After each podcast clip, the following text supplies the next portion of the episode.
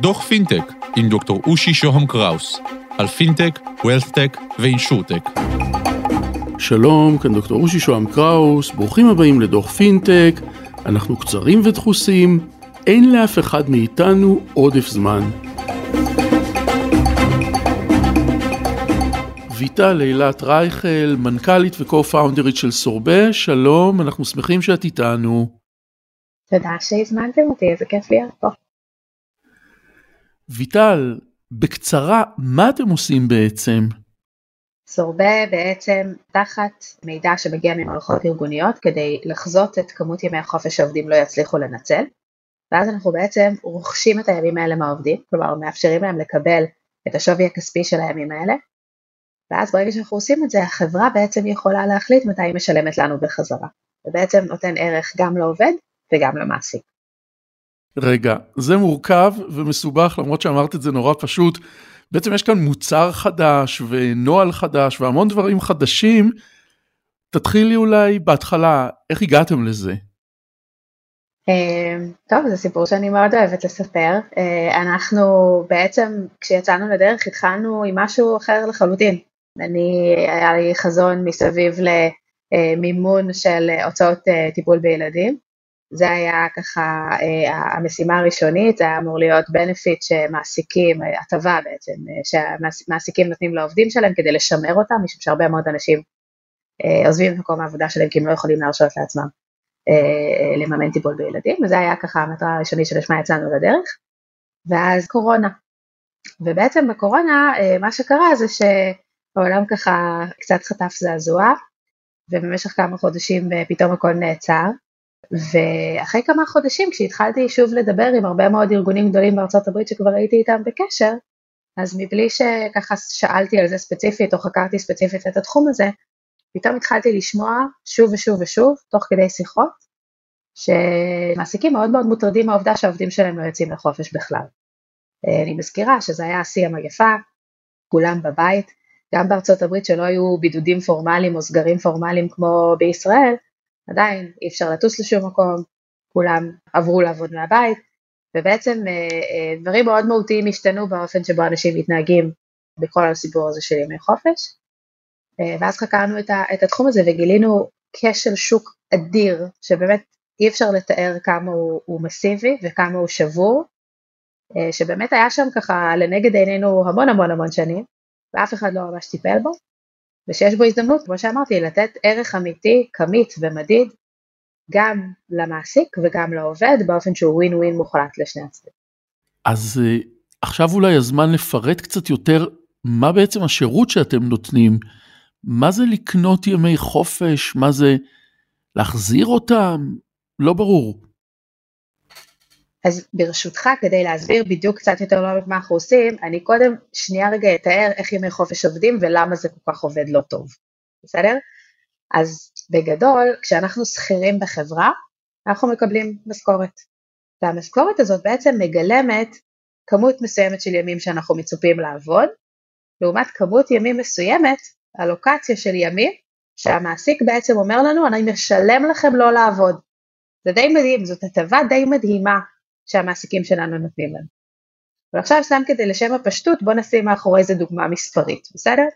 אם נניח עובד זכאי ל-12 ימי חופש בשנה, זה אומר שבחודש ממוצע נתון הוא אמור לעבוד 19 ימים, ופעם בחודש המעסיק משלם לו לא לעבוד. הבעיה מתחילה כשהעובד לא בעצם מנצל את היום חופש הזה שהוא אמור לא לעבוד בו, והוא בעצם עובד אותו. ואז מה שקורה בפועל זה שהעובד עבד 20 ימים, אבל המעסיק שילם לו רק על 19, כי ביום ה-20 הוא היה אמור לנוח. אז על היום ה-20 הזה הוא לא קיבל תשלום בדמות משכורת, הוא בעצם קיבל תשלום בדמות נכס בלתי נזיל שנקרא יום חופש צבור. זה נכס שיש לו ערך פיננסי נקוב, ברור, זה נגזר מהשכר שלך. אם אתם רוצים לחשב את העלות של זה, זה בעצם השכר השנתי חלקי 260 ימי עבודה בשנה, זה השווי של הנכס הזה שהרווחתם על אותו יום עבודה שעבדתם והייתם אמורים להיות בו בחופש, זה נכס שמופיע בתלוש משכורת שלכם, אבל הבעיה איתו זה שלמרות שיש לו ערך פיננסי נקוב, אתם לא יכולים לשלם איתו בסופר. אי אפשר לשלם איתו בתחנת דלק. הוא לא נזיל. ואתם מחזיקים אותו ומחזיקים אותו ומחזיקים אותו ומחזיקים אותו, ויש לכם בעצם שתי אפשרויות. או לקחת אותו כחופש באיזשהו מועד עתידי, ואז אם נחזור לאותה דוגמה מספרית, זה יהיה חודש נתון שבמהלכו אתם תעבדו בעצם 18 ימים, אבל תקבלו משכורת על 19 ימים, ואז כאילו התקזזתם עם החברה. אבל זה כמעט אף פעם לא קורה, פשוט כי המנגנון של ימי חופש הוא כזה שכל פעם אתם מקבלים עוד ועוד ימי חופש וגם אותם אתם לא מנצלים, מקבלים עוד ימי חופש וגם אותם אתם לא מנצלים, והרבה פעמים אתם אפילו משנה לשק... לשנה תקבלו אלוקציה עוד יותר גבוהה של ימי חופש כי אתם יותר בכירים או יותר ותיקים או מה שזה לא יהיה. ואז בעצם הברירה היחידה שנותרת לכם זה להמתין עד לאיזושהי נקודה עתידית לא ידועה שבה תעזבו את החברה. ואז במועד הזה, זה יכול להיות בעוד חצי שנה וזה גם יכול להיות בעוד עשרים שנה, כן? רק אז אתם תקבלו בעצם את השווי הכספי במזומן של אותו נכס בלתי נזיל. בעצם תנזילו את הנכס הבלתי נזיל הזה לראשונה ביום שבו תעזבו את החברה, או שהתפטרתם או שהם מפטרים אתכם, זה לא משנה, אז תקבלו את זה. בסדר? זה הכשל שוק בצד של, המע... של העובד. בעצם חלק בלתי נפרד מהשכר שלכם שכבר הרווחתם אותו, עבדתם בגינו, זה לא איזה בונוס עתידי. אתם כבר עבדתם בתמורה לשכר הזה, אבל חלק מהשכר שלכם בעצם נעול באיזשהו נכס בלתי נזיל עד לאיזושהי נקודה בעתיד. עכשיו היינו חושבים שיש מישהו שמרוויח מהדבר הזה, נכון? שבצד השני יש איזשהו מעסיק מרושע, שכל מטרתו היא לנצל עובדים ולא לתת להם את השכר שמגיע להם. אבל זה לא המצב, בעצם המעסיק סובל מזה אפילו יותר, כי את אותו נכס בלתי נזיל שהעובד מחזיק, הוא מיד מופיע כ- כהתחייבות, כחוב במאזן של החברה, כי בעצם כמו שהסברנו, העובד עבד, אבל החברה עדיין לא שילמה לו בגין העבודה שהוא עשה. ואז למעסיק יש חוב על הספרים, התחייבות, כאילו הוא הלווה כסף מהעובדים שלו. בסדר? הוא הלווה כסף מהעובדים שלו והוא ישלם לו את הסכום הזה רק באיזשהו מועד בלתי ידוע בעתיד. וזה בעייתי לחברה בהרבה מאוד מובנים, שחבל שאני אעלה אותם, אבל בגדול בגדול זה גם התחייבות נורא נורא בעייתית, כי בעצם אין לה שום ודאות. בדרך כלל כשתחשבו על עצמכם בתור אה, צרכנים רגילים, אם הייתם הולכים לבנק ולוקחים משכנתה, או הייתם הולכים לבנק והייתם לוקחים הלוואה, הייתם יודעים מה תנאי ההלוואה, נכון? מה הסכום, מתי צריך להחזיר אותה, כמה הריבית עליה. במקרה הזה, שום דבר מהדברים שאמרתי עכשיו לא ידוע למעסיק. לא יודע מה הסכום, כי כל פעם שהעובד לא ייקח חופש זה רק ילך ויגדל. הוא לא יודע מתי הוא יצטרך לשלם את זה ביום מן הימים, כי זה תלוי מתי העובד יחליט לעזוב או שהמנהל הישיר שלו יחליט לפטר אותו, והוא באמת יכול להיות מופתע בכל רגע נתון. והכי גרוע, הוא לא יודע כמה זה יעלה לו, כי זה בעצם צמוד לשכר של העובד. אז בעצם, כשהוא יצטרך לשלם את, ה, את החוב הזה בחזרה לעובד, זה יהיה לפי המשכורת של העובד ביום שהוא יעזוב, בעוד חמש, 10-15 שנה. ואז זה יוצא שכאילו הוא גם לא יודע כמה זה עולה לו וזה כנראה יהיה הרבה יותר יקר. אז כל הדברים האלה גורמים לדבר הזה להיות ממש ממש פיגוע מבחינה פיננסית לארגון, באמת פיגוע, כי תחשבו במצב שבו באמת פתאום מכל מיני סיבות צריך לפטר פתאום מהעובדים, או איזה מישהו מאוד בכיר מתפטר, זה יכול להיות מאוד מאוד משמעותי לארגון. אז עד כאן חפרתי על מה לא בסדר. עכשיו מה שאנחנו עושים הוא יחסית פשוט. אנחנו מתחברים למערכת ה-HR של הארגון, מנתחים את הדאטה, לוקחים בחשבון המון המון מידע, גם על העובד, גם על החברה, גם על הסקטור, גם על דברים אקסוגנים כמו מגפות, גם כל מיני דברים שקשורים להתנהגות של הדבר הזה, ובעצם בונים מודל חיזוי עבור כל עובד ועובד, של כמות הזמן שהוא כן יכול וצריך לנצל כחופש, לעומת כמות הזמן שהוא פשוט לא יוכל לצרוך אותו. החלק שבלתי ניתן להשתמש בו מתוך היתרה של ימי החופש שלו, ואז אנחנו באים לעובד ומציעים לו, זה נתון לגמרי לבחירתו, ואומרים לו, היי אושי, לך יש 22 ימים כרגע, אנחנו חושבים שאתה תצליח לנצל 18 מהם, אגב אנחנו גם נעזור לך לצרוך את ה-18 האלה, כי אנחנו מנתחים את היומן, את ההתנהגות, את העדפות, אנחנו נגיד לך גם מתי כדאי לך לקחת את הימים האלה באופן שכאילו יהיה הכי נכון עבורך, אבל יש פה ארבעה ימים שאתה לא תצליח לנצל. ואז אם אתה רוצה, תלוי בך לגמרי, אנחנו נקנה ממך את הימים האלה, אנחנו פשוט ננזיל לך אותם היום, ניתן לך מזומן בתמורתה, ותוכל לקבל אותם עכשיו במקום להצטרך לחכות לאיזשהו מועד בלתי ידוע בעתיד.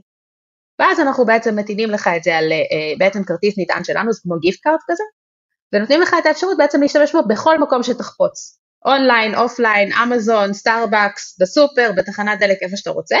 כמובן גם נתחיל גם להציע לך מה לעשות עם, ה, עם הכסף הזה, כי אנחנו יודעים הרבה דברים עליך בשלב הזה, ואנחנו גם יודעים מתי אתה מתכנן להיות בחופש.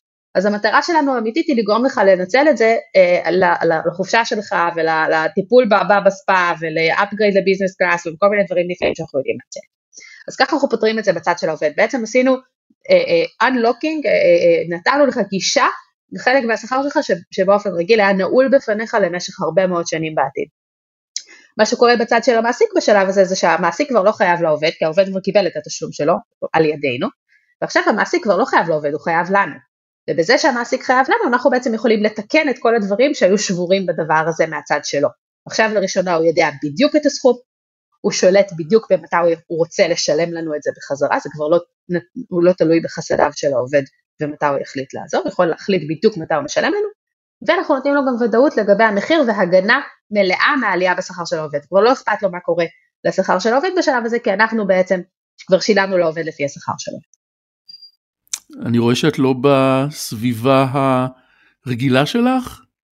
סוג של הסביבה הרגילה שלי, אני פשוט, יש לי שתי סביבות רגילות. לשמחתי אה, יש לנו אה, כבר נוכחות אה, די משמעותית פה בניו יורק, אני עכשיו מדברת איתך מה, מהמשרדים שלנו בניו יורק ובדיוק עברנו למשרדים חדשים, אנחנו, יש לנו כבר צוות פה הולך וגדל ואני בעצם חולקת את חיי בין, בין תל אביב לניו יורק כרגע. ויטל אלת רייכל, מנכ"לית וקו-פאונדרית של סורבט, תודה שהיית איתנו בניו יורק. תודה, אושי. עד כאן על קצה המזלג, ניפגש בדוחות הבאים, תוכלו לכתוב לי ל-050-8898-322 או ללינקדאין שלי, דוקטור רושי שוהם קראוס באנגלית. תודה לקווין מקלוד על המוזיקה, להתראות.